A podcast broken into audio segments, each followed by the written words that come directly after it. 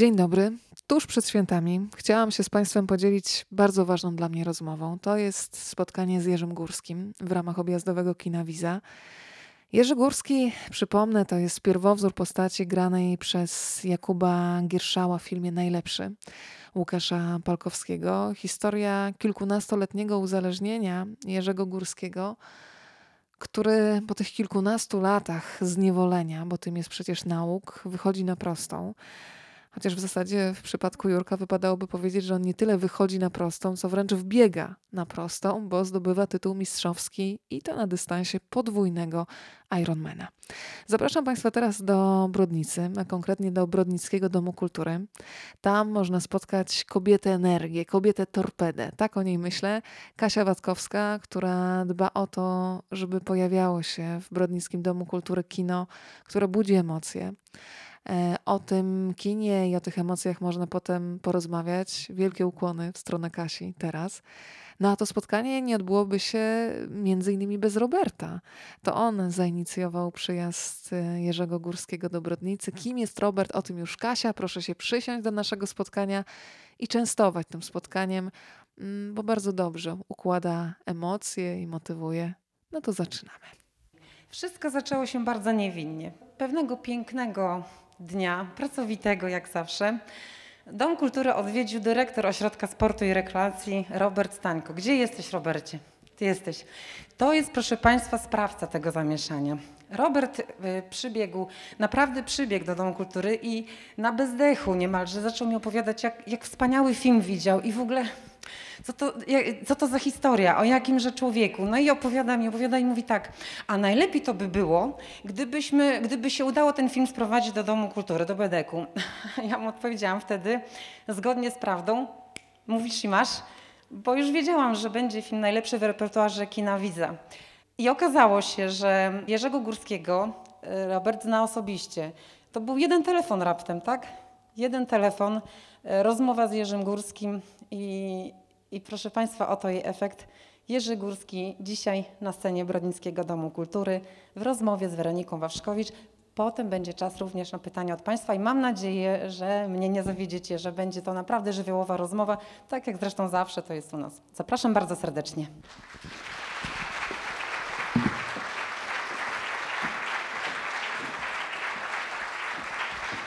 Dobry wieczór.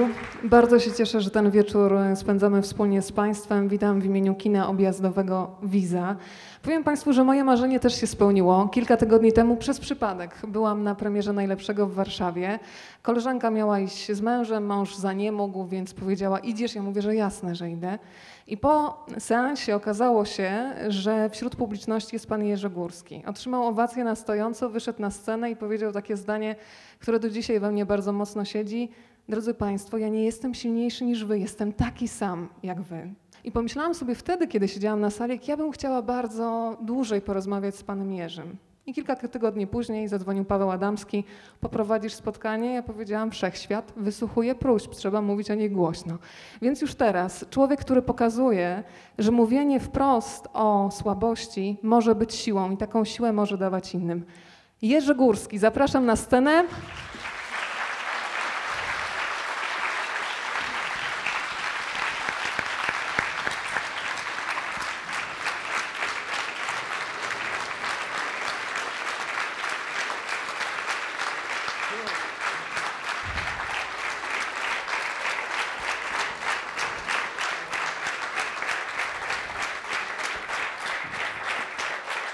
Bardzo dziękuję. Dobry wieczór. Jurek, y, ja jestem w tym momencie, kiedy się uczę mówić Jurek wprost, bo Jurek od razu skrócił dystans, powiedział od dzisiaj nie jestem pan, jestem Jurek, więc jeżeli państwo się włączą do rozmowy, a bardzo bym chciała, żeby tak się stało, to też y, państwo będą przełamywać ten dystans. E, myślę, że ten film jest tak szczery i tak samo jest szczera książka Łukasza Grasa, mm, najlepszy, że dzisiaj nastąpi coś w rodzaju wymiany szczerość za szczerość, bo kiedy mówi się o swojej słabości wprost, to można dawać siłę innym i dzisiaj tak na pewno będzie. Jurek, najpierw e, zapytam, czy ktoś z Państwa zarejestrował moment, kiedy Jerzy pojawia się na ekranie w filmie Najlepszy?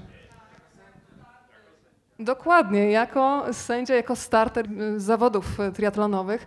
No to Jerzy, powiedz, jak trafiłeś do obsady, jak w ogóle zareagowałeś na taką propozycję Łukasza Palkowskiego, żeby nie tylko dać swoją historię do filmu, ale jednocześnie w tym filmie wystąpić? Oczywiście z przyjemnością przyjąłem zaproszenie.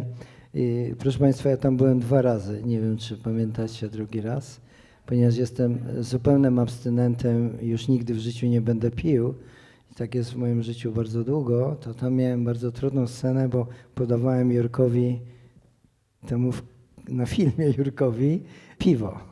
I on oczywiście, nie wiem, czy pamiętacie, oddał to piwo, ponieważ on też wtedy już nie pił. Ja to już wielokrotnie mówiłem i dzisiaj e, tutaj też już to padło. W ogóle nie jestem najlepszy. Od tego musimy zacząć. Co to znaczy? Ja mam takie same problemy w życiu jak i wy. I teraz jedno jest, co chciałem przekazać. Ja nigdy w życiu nic nie robię bez sensu. Jak mnie dotyka sprawa, to robię ją najlepiej jak mogę. Jak robię kotlet schabowy dla mojej rodziny, to mistrzostwo świata. Jak gotuję rosół, którego nie umiem, też mistrzostwo świata. I Jerzy, ten kotlet też jest podwójny, jak podwójny Ironman w twoim wypadku? E, nawet potrójny. No oczywiście, że e, uwielbiam kotlety schabowe po parysku. Uczyłem się długo i w końcu potrafię to zrobić. E, Moje dziewczyny mówią, że jest to smaczne, a mi się wydaje, że ja nie umiem gotować. Ja improwizuję cały czas i chcę najlepiej to zrobić. Chcę się kiedyś zmierzyć, zrobić pierogi sam. Najlepsze pierogi, proszę Państwa, ja nie, nie wkręcam się w tej chwili. Jadłem to. Dostałem telefon, a co by Pan zjadł? Ja mówię, zaraz, chwileczkę. To ja mam przyjechać do, gdzieś i mam jeszcze jeść? No nigdzie tego nie było. No a co Pan lubi? No ja sobie tak zażartowałem. No może pierogi. Ja przyjeżdżam, obrotnicy są pierogi. Więc y, tego nie potrafię robić, ale może kiedyś w życiu to zrobię. Chyba przeskoczyłem myślowo. To wracamy do tego pytania, kiedy y, Łukasz y, dzwoni do ciebie, proponuje rolę, od razu wchodzisz w to, no bo ty jesteś przyzwyczajony do działania, a plan filmowy, umówmy się, bardzo często się opiera na tym, że się czeka wiecznie. Od razu się zdecydowałeś i czy w ogóle, jak zobaczyłeś na przykład Kubę Gierszała, który jest Jurkiem filmowym, od razu zaakceptowałeś, powiedziałeś tak? Y, Zacznę od Kuby. Dobra. Przyjechałem pierwszy raz na zdjęcia, była to Legnica. Wszedłem do tego ośrodka, tam co to się wszystko działo. Przez moment tylko z Kubą tak żeśmy sobie wymienili pozdrowienia, a potem w hotelu, kiedy już było po zdjęciach, miałem okazję go uściskać i mówię, kurde, jaki wysoki, fajny facet, taki jak mój młodszy brat i go kupiłem od razu takiego, jaki jest.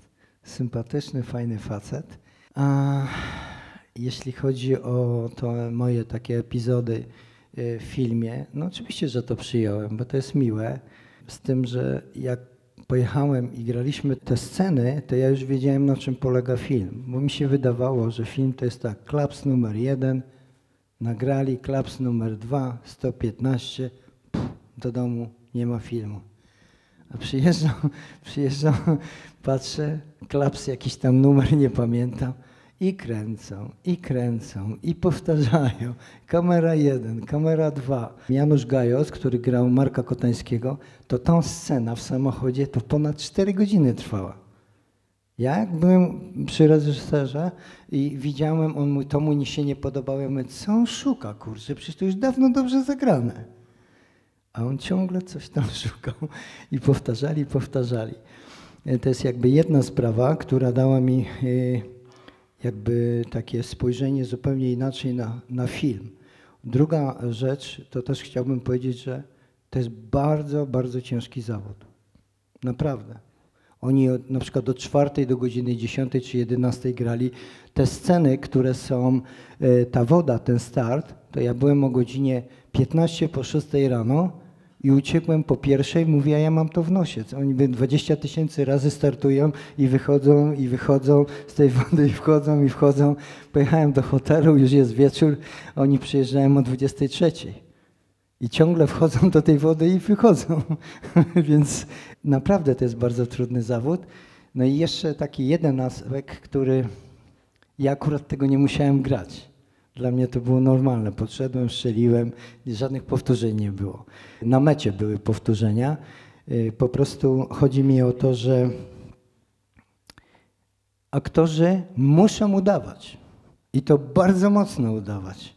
No bo jak można przez 4 godziny dać emocje jednej scenie? A więc za każdym razem muszą perfekcyjnie udawać. Kuba miał najgorzej, bo on cały czas był na ekranie. On ani nie brał narkotyków, ani nigdy nie był sportowcem. Pływał jakimś tam pieskiem, żabką.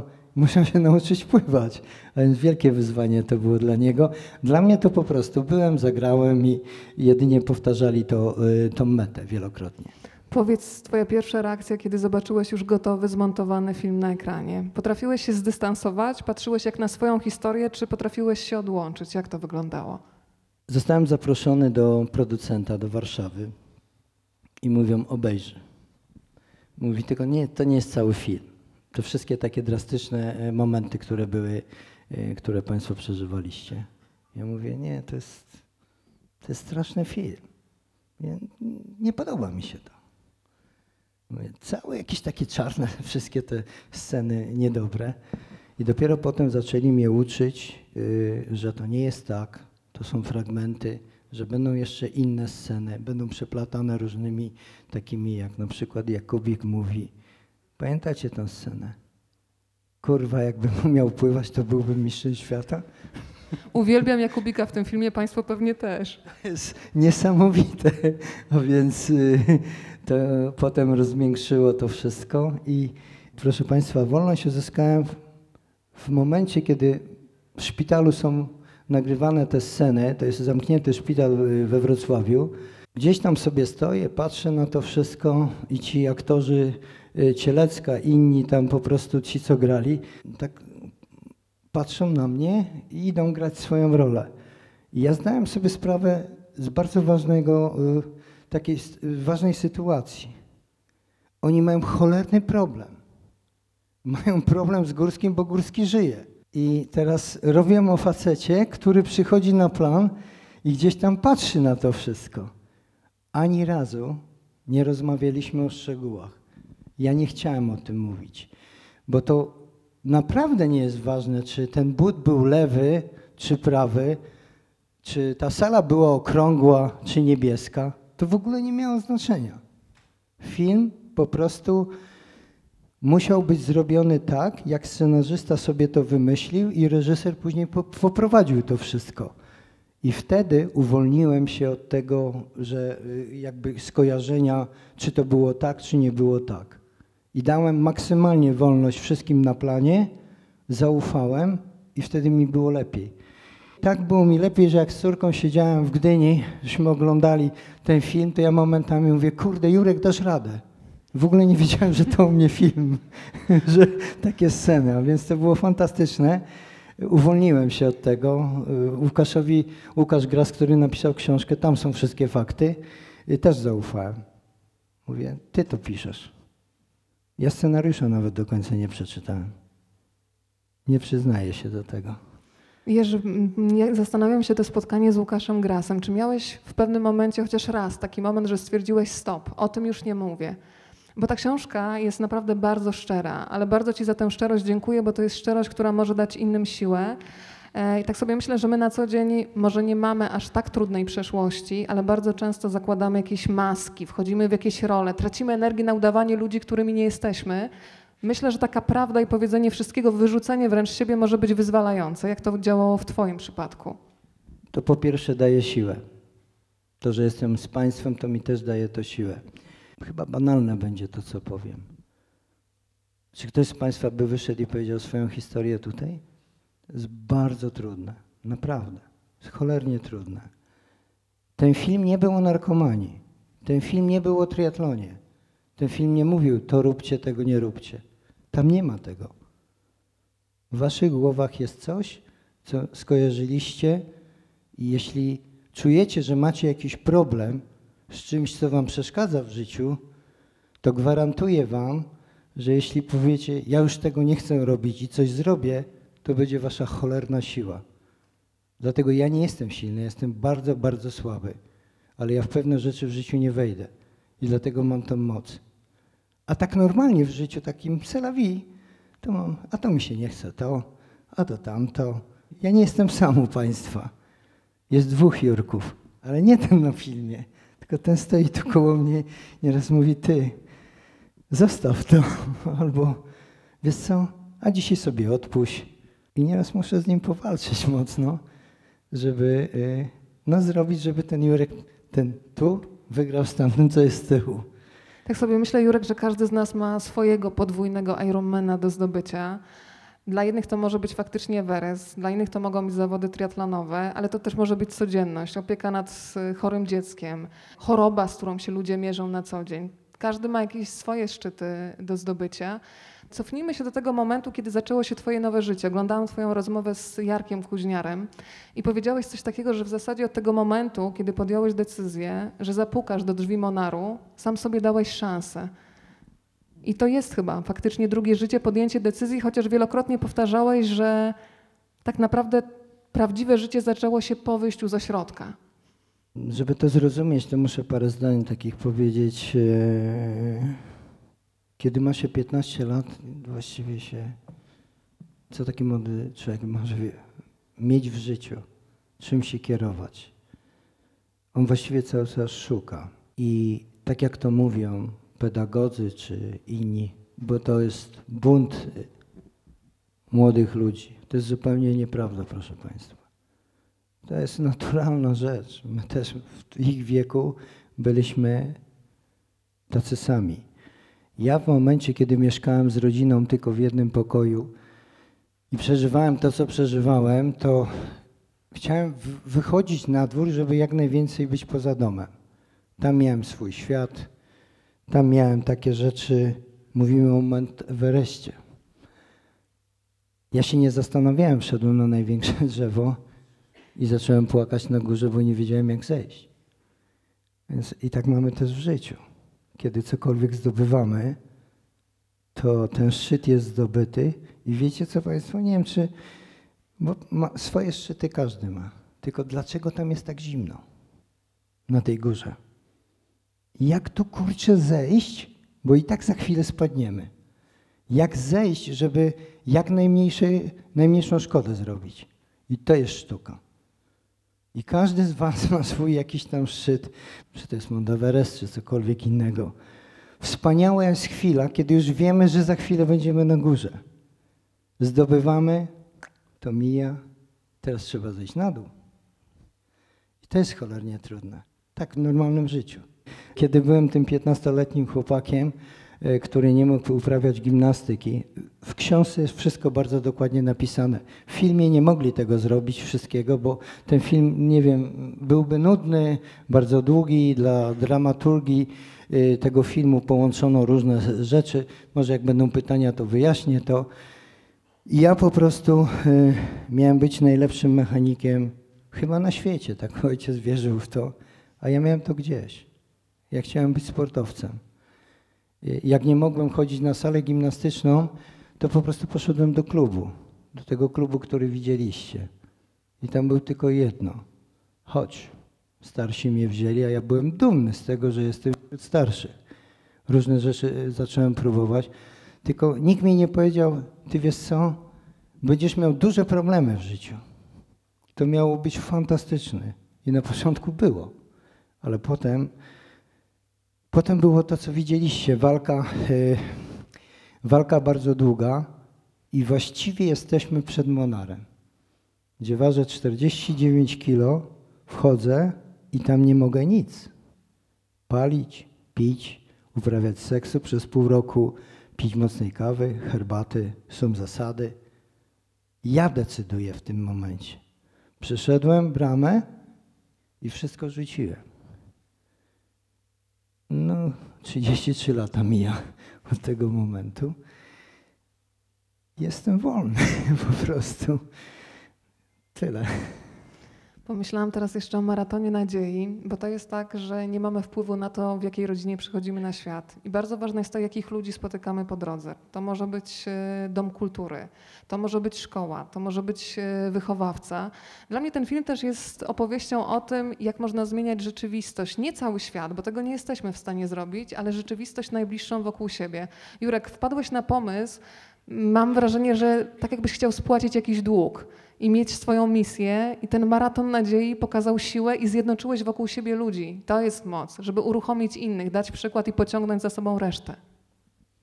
Bo kiedyś się znalazłem w Monarzu i właściwie ja o tym, o tym wszystkim zadecydowałem i tak jak dziękowałem Markowi Kotońskiemu za to, że powiedział mi o wolności, dał mi tę wolność, to potem to, co powiedziałem przed chwileczką. Zdobyłem szczyt, ukończyłem leczenie, ale musiałem zejść z tego szczytu, bo za bramą Monaru to ja decyduję. Nie grupa, nie terapia, która tam jest, tylko ja osobiście. I był taki moment, że chciałem wykrzyczeć całemu światu, i tutaj właśnie tak jest między innymi, że robiłem różnego rodzaju y, takie happeningi, różne spotkania, zakaz siania w maku, ponieważ ja brałem heroinę, a tą heroinę to się robiło ze słomy makowej. Ja wyciąłem setki hektarów zielonego maku, setki y, ton y, ze słomy makowej. Używałem do tego, żeby mieć heroinę, a potem postawiłem sobie za cel, żeby y, nie siać maku w Polsce. Objechałem całą Polskę rowerem, zebrałem 17 tysięcy podpisów i byłem największym przeciwnikiem siania maku w Polsce. A jak byłem po tamtej stronie, to pragnąłem i szukałem nocą maku na polu, żeby po prostu mieć towar. I to też mi dawało siłę. Z każdym rokiem coraz mniej tego potrzebowałem.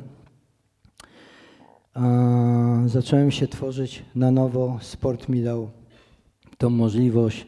Jerzy, ale ty jesteś bardzo skromny. Powiedz, jaką, w jaką trasę ty ruszyłeś? Bo my jeździmy z kinem objazdowym busikiem wygodnie. Fakt, że każdego dnia kino jest praktycznie w innym miejscu, no ale ty wsiadłeś na rower i to też było zagrożenie, bo miałeś wolność i mogłeś też mnóstwo pokus na tym, w tym świecie zewnętrznym, już nie pod kloszem Monaru, prawda? Ile to było miesięcy, ile kilometrów przepedałowałeś? No, ja chciałem wtedy zwiedzić wszystkie ośrodki w Polsce, a więc y, musiałem przejechać ponad 3000 kilometrów, ponieważ nie robiłem to samochodem, tylko rowerem. I ten rower miał specjalne takie sztandary, Monar. Ja wjeżdżałem y, na różne plaże. Y, Ja się nie zastanawiałem, czy ktoś mnie zbije, czy nie. Po prostu ja to robiłem. Zdobywałem ludzi i nie miałem żadnej sytuacji, która by mi zagrażała. No i po drodze poznałem triatlon. Jak jechałem, to wziąłem udział w triatlonie koło Gdańska. A już wcześniej myślałem o triatlonie. Zakochałem się i do dziś jestem zakochany w triatlonie. Zobacz e, za siebie. Ja bym powiedziała, że to też jest taka pewna moda u wczesnych lat. Twój kolega ma jako jedyny ma strój jednoczęściowy. Powiedzmy, kim jest ten zawodnik? To jest Jarek Łabus, który był e, wtedy najlepszym zawodnikiem w Polsce. To jest 86 rok. Proszę Państwa, było nas ponad 30 osób ze względu na to, że była bardzo zimna woda. Bo dzisiaj triatlon kojarzycie, pianki, piękne rowery po 50 tysięcy, pianeczki, piąteczki, wszystko tam, tylko trochę może w palce zimno czy nogi. A myśmy się tam spotkali, połowa w ogóle nie chciała wystartować, bo za zimna była woda. Tutaj nikt wcześniej nie wszedł, żeby sprawdzić, po, poćwiczyć trochę w wodzie. Ja przepraszam za, słow, za słownictwo, ale muszę to zacytować, żebyście dobrze zrozumieli. Stoimy na brzegu przed wejściem do wody. Dostaliśmy informację, że będzie 2 km, nie 3800. Bo to był Ironman. 3 km 800 metrów jest pierwsza konkurencja. Dwa ze względu na to, że zimna woda, ponoć miało być 12 stopni. Prezydent Kalisza mówi, zrobimy to 2 kilometry. I chwilę przed ktoś mówi tak. Czy ktoś wie, jaka jest temperatura wody? Przepraszam, ale ja cytuję. A kurwa, czy to jest ważne, czy nie? I tak musimy wejść do tej wody i tak. Weszliśmy, popłynęliśmy. Oczywiście wszystko zimne, galareta. takiego kolegę, który się nasmar... Jarek wytrzymał, bo miał tą taką pierwszą piankę w Polsce i to też zrobioną własnym sumptem. Y, Kolega, który się nasmarował takim tawotem dużym, ja mówię, słuchaj, co to jest, może mi dasz trochę? O, no to jest mój patent. Pierwszego wyciągnęli go z wody. Więc to były takie czasy triatlonu. No i akurat na tych zawodach zająłem drugie miejsce. Jurek, powiedz mi trochę o Marku Kotańskim. Pomyślałam sobie, że Marek Kotański to też jest przykład na to, jaki powinien być prawdziwy przyjaciel. Że nie chodzi o to, żeby ktoś nas poklepywał po plecach, tylko ostra krytyka. Bo to był człowiek, który nie głaskał raczej po główce, prawda? Ale te zdania zapamiętałeś na zawsze. Marek Kotański w twoim życiu. Tak naprawdę audycja radiowa trochę, prawda? Głos, który mnie pociągnął do wolności, bo on mi obiecał tym głosem, że tam, gdzie ja pójdę, to jest wolność, bo ja sam decyduję o tym. To już Państwu mówiłem, że przekroczyłem e, bramę e, Monaru i wszystko rzuciłem, a wcześniej było udawane leczenie. Y, W Polsce wtedy nie wolno było mówić, że jest narkomania w ogóle. Nas e, na najlepszym wypadku mówili lekkoman. W komunistycznym państwie nie było narkomanii, wszystko na zgniłym na zachodzie było. Nie było żadnych oddziałów, nie było lekarzy specjalistów, byli psychiatrzy. I myśmy leczyli się y, w szpitalach, udawali leczenie w szpitalach psychiatrycznych. I Marek Kotański, jak go usłyszałem i mówił o monarze i mówił o tym, czego ja nie miałem y, w szpitalu psychiatrycznym, ja mówię, kurczę, to jak mam to zrobić? I on mnie zainspirował i- poszedłem do Monaru. Ale to też nie było proste. Pół roku co tydzień jeździłem, podpisywałem listę, że jestem kandydatem do leczenia. Y, Musiałem pracować na to, bo takich typów jak ja to było setki, a miejsc było bardzo mało. I właśnie Marek, jakby mi kazał, złapał mnie za rękę, skaczemy do ognia, to ja bym skoczył wtedy. Po prostu leczenie polegało na tym, Proszę Państwa, mamy takie wyobrażenie. Przychodzimy do szpitala, coś nam dolega. Jest obchód, jeden lekarz, dwóch, może trzech. No jak Pan się czuje?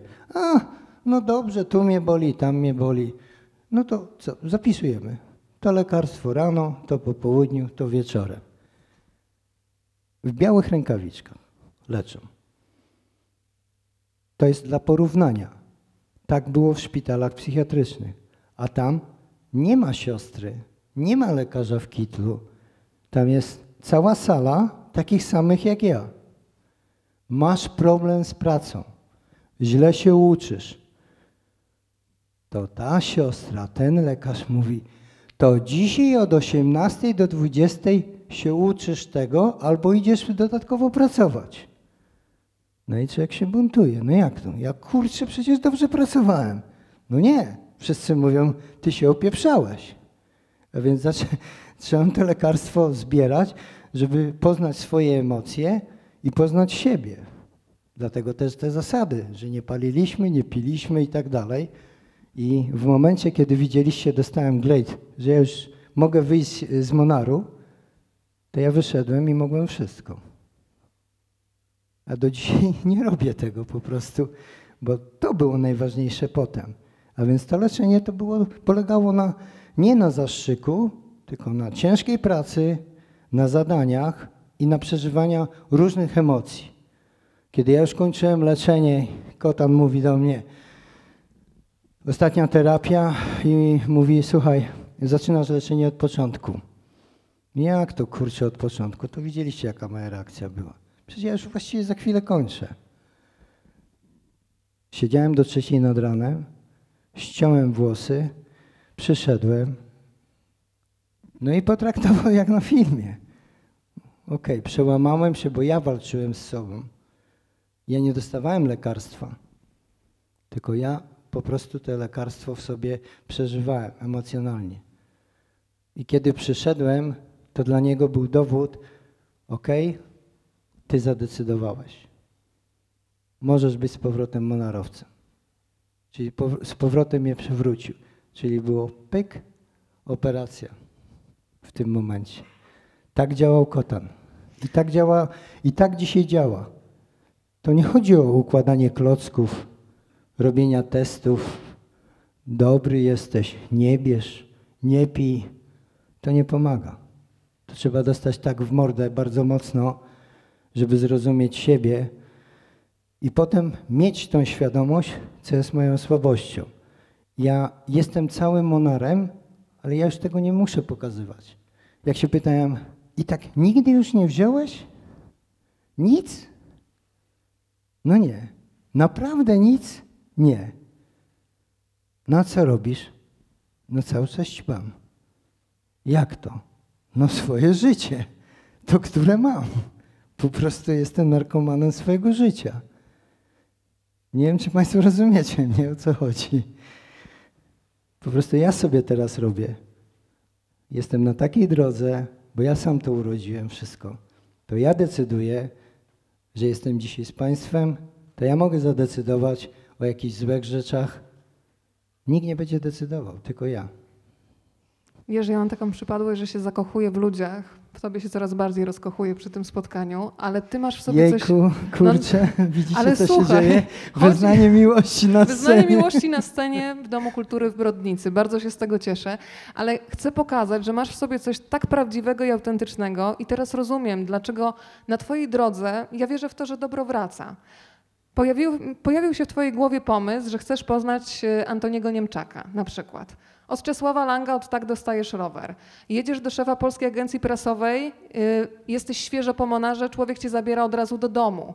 Więc umówmy się, taki kredyt zaufania, dzisiaj ludzie się tego boją, ale chyba rozbrajająco działała twoja szczerość. O tutaj zobacz, twój rower prezent od Czesława Langa.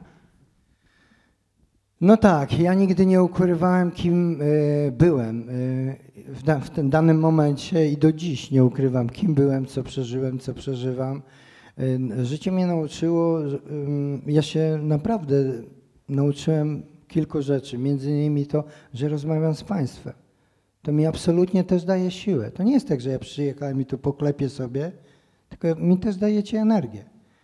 Dajecie mi y, przy słabszych chwilach, gdzie ten drugi mówi, może to zrobisz czy tamto, to mi się wyświetla, halo, ty rób coś z tym, kurde, wstań i idź rób. Ci ludzie patrzą na ciebie, byłeś i to mówiłeś. Przychodzę do Langa, mówię, nazywam się Jurek Górski, jestem byłym narkomanem, opowiadam mu o jakichś zawodach. Tak popatrzył, co potrzebujesz? To, to, to i tamto, tylko że Masz to załatwione. Dał mi rower Kolnago, który straszne pieniądze kosztował. Kalinowski mówi, ja teraz nie mam czasu, zamknął mnie w domu, zostawił mi całe mieszkanie, klucze, a później żona do niego mówi, ty, ty zamknąłeś narkomana w domu, on mógł wszystko wynieść. A ja po prostu dostawałem dodatkową siłę w takich sytuacjach. I miałem to szczęście, że spotkałem wielu fantastycznych ludzi, y, którzy y, Wacek Skarol, trener kadry narodowej Kolary. Po- Złapałem go, rozmawiam z nim. On tak na mnie popatrzył, popatrzył. Najlepsi kolarze świata, Leśniewski ci inni w tej kadrze. Ja stoję z nim, rozmawiam. On mówi, jest jeden warunek. Jedziesz z nami na obóz kadry, tylko musisz robić wszystko to, co my. Fuh. Ja pierdziu, no to dobra, no to jadę i robię to, co wy. Oczywiście ja więcej robiłem, bo oni tam jeździli rowerem tylko jeszcze, różne rzeczy. Yy, Pamiętam, jak z Halubczokiem podjeżdżaliśmy po Szklaską Porębę. Yy, No, dosyć ciężki był etap wtedy. No, to są fantastyczne rzeczy i to, to mnie co, coraz mocniejszego budowało. Dodatkowo mnie wzmacniało. Jerzy, teraz o tym pomyślałam, a nie myślisz, że to jest tak, że trzeba też się nauczyć poprosić o pomoc? Bo nam się wydaje, że to jest słabość, a tutaj popatrz, wychodzisz, mówisz wprost, czego potrzebujesz. Musisz się przyznać do słabości, kiedy idziesz do Monaru i uznać ten fakt, że jesteś uzależniony, że to nie jest już twój wybór, tylko wręcz ciało wtedy się domagało narkotyku czy alkoholu. Że w życiu na co dzień mamy ogromny problem, żeby przyznać i przyjść do kogoś, słuchaj, potrzebuję twojej pomocy. A to jest coś, co otwiera to nowe życie tak naprawdę. Ja już Państwu powiedziałem, że jest bardzo trudno. Nie wiem, czy ktoś by się tutaj znalazł i powiedział, dobra, ja wyjdę i powiem e, wobec nie, no a co powie sąsiad, a co to, a jak ja wypadnę, a ja tak nie mogę, albo jestem taki czy owaki. Nie, nie, ja tego nie powiem. Kiedy skonfrontujecie się z tym, że jesteście słabi, i będziecie mogli w czymś tam, ja nie wiem w czym, tu no, jeszcze raz powtórzę, to nie trzeba pić, nie trzeba brać narkotyków. Yy, Postaracie się coś z tym zrobić, obiecuję, na milion procent będzie wam łatwiej. Na milion procent. Tylko to trzeba chcieć. Wszystko się bierze od jednego słowa. Chcę. Potem idzie, to zrobię, bo chciałem, ale robię to bardzo mocno. I wtedy wygrywam ze wszystkim. Jerzy, muszę cię zapytać o jedną rzecz. Czy dzisiaj razem z nami jest twoja brązowa klamra? Masz dłuższą koszulę, więc nie widzę. Musisz powiedzieć, czy jest, czy nie i czego symbolem jest ta brązowa klamra, bo to też jest coś, co przypomina ogromnej determinacji, sile woli i wysiłku. Proszę Państwa, muszę się przyznać tutaj bez bicia. Ona jest y, zupełnie w innym miejscu, bo ja już czwarty tydzień jestem w Polsce. No i wczoraj miałem takie spotkanie, że pół torby mi zabrali do domu i między innymi tą klamrę. Tutaj oczywiście mówimy o czymś takim, co, co dało mi siłę do dnia dzisiejszego. To jest też dowód na to, co ja mówię. Antoni Niemczek powiedział tak, ty nie będziesz biegał 5 km 10. Ja tutaj ci kurczę, bo ty nie, nie zasługujesz na to. Ty tak grzałeś, że ty teraz musisz zrobić coś, co nie jest dystansem 5-10 kilometrów. No okej, w 89 roku zakomunikował mi, będziesz bieg na 100 mil. Ze Skłowalej do Awor, 161 kilometrów. Ja pierdziu. Co tutaj robić? No to biegałem po 50-60 kilometrów, myśląc o tym. Będzie startował w triatlonie, który ma podwójny y, dystans Ironmana. No dobra, będę startować. To jak to wszystko zrobić? To od rana do wieczora trenowałem, jak głupi. Miałem wspaniałą dziewczynę w tamtym czasie żeby wszystko pogodzić, to 160 kilometrów jechałem do niej, pogadaliśmy trochę, coś tam, coś tam i wracałem do domu. I wyjechałem rano i wróciłem w nocy. A więc tak się traktowałem po prostu, czyli wpadłem w coś takiego, co było moją taką totalną drogą i pasją. I staję na starcie, jestem dobrze przygotowany, na wysokości 1700 metrów, czyli wysokość podobna do Śnieżki, do tego szczytu biegniemy, biegniemy 5 kilometrów, 3 kilometry 200 nad poziomem morza. No ja oczywiście wrywałem jak durny, biegnę tam gdzieś w czołówce. Okazało się, że 100 kilometrów przebiegłem e, w 10 godzin. Ostatnie 28 kilometrów, żebyście Państwo porównali, 100 kilometrów w 10, 28 kilometrów w 8 godzin 5 minut. I właściwie moje ciało się zbuntowało. Nie miałem prawa w ogóle ukończyć tych zawodów. I proszę Państwa, głowa mnie zaprowadziła na metę. Z kijem w ręce modliłem się, żeby dotrzeć na metę i tak jak tutaj piszę, że w 30 godzin, że ja zrobiłem 28 godzin 5 minut, ukończyłem te zawody. I potem jak startowałem w tym podwójnym Ironmanie, nie wiem, czy pamiętacie te autentyczne sceny w tym filmie. Wszyscy mieli galaretę, a ja pół godziny przed zawodami jeszcze byłem w samochodzie. Ostatnim wszedłem do wody. Mówię, przecież to się tak długo będzie działo na tej trasie, że no nie ma co popadać w panikę. Będzie to, co będzie. I pierwszy raz miałem spokój totalny w głowie, e, w ciele i wystartowałem. No i miałem szczęście, zameldowałem się na mecie, tak jak widzicie na tym zdjęciu. No i tak to było.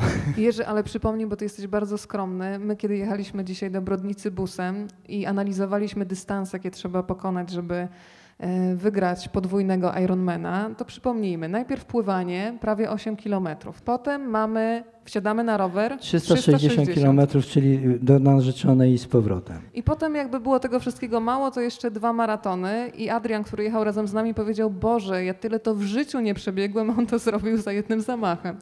No więc jak, jak się przygotować? Bo to jest mniej więcej tak, gdybym ja dzisiaj powiedziała, nie potrafiąc pływać, 10 kilometrów przepłynę.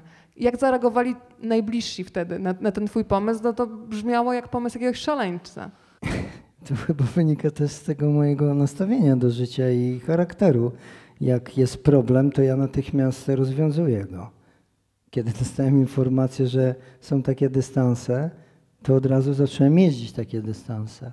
Jak się mnie pytali, dzisiaj jako trener wiem, że robiłem straszne błędy. Jak się mnie pytali niektórzy zawodnicy, a ile ty kurczę trenowałeś? Ja mówię, pół Ironmana codziennie. Jak to? Ja mówię, no 4-5 kilometrów pływałem rano o 6.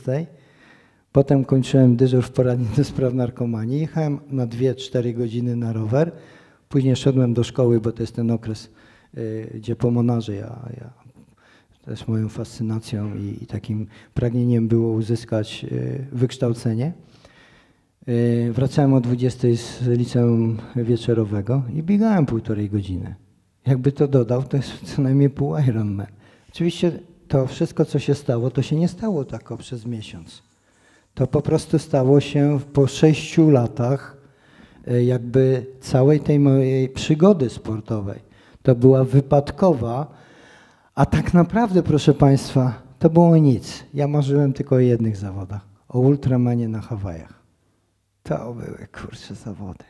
To mnie tak podniecało i dawało tyle siły, że ja muszę być na tej wyspie. Tą wyspę się pokonuje triatlonowo. 10 kilometrów pływania, startujemy, jedziemy na 2000 metrów do góry, 145 kilometrów, 275 kilometrów, 85 biegu i tam, gdzie do oceanu skoczyliśmy, tam ko- skończyliśmy. Gdzie byłeś? Na wycieczce trzydniowej na Hawajach, na Big Island. I to było fantastyczne. No gdyby Jurek nam zorganizował biuro podróży i na takie wyjazdy zabierał, to ciekawa jestem, ilu z nas by wróciło z takich wakacji trzydniowych na Obiecuję, że Hawajach. wszyscy by wrócili. Bo mnie namawiał na tego Ultramana. Ja teraz w zeszłym roku byłem zaproszony, to tak przy okazji byłem gościem e, Fundacji Ironmana. Tam byłem ponad dwa tygodnie z moją córką i, i z przyjaciółmi. A, I sobie patrzyłem na tego Ironmana, to wszystko wsiedliśmy w samochód i przyjechaliśmy Ultramana. Także można było, było tak to zrobić, nie rowerem. Mówię, ja, kurczę, to ja tyle kilometrów tu jechałem. Mówię, Hania, do mojej córki, patrz, to ja musiałem jechać na rowerze wtedy. Jurek Górski. Stawiam przecinek w tej rozmowie, to jeszcze nie kropka. Ciąg dalszy nastąpi, obiecuję. Postanowiłam podzielić to spotkanie na dwie części, tak żeby jak najwięcej atmosfery tego spotkania można było poczuć. A pomyślałam sobie, że Jurek Górski to jest w sumie najlepszy prezent na święta, bo razem z nim przychodzi nadzieja. Nadzieja, że można wyjść na prostą nawet po najostrzejszym zakręcie. E, bardzo się cieszę, że udało się zarejestrować to spotkanie dzięki objazdowemu kinu Wiza w Brodnicy. Obiecuję, że ciąg dalszy nastąpi. Proszę słuchać, posyłać dalej i ładować dzięki Jurkowi akumulatory.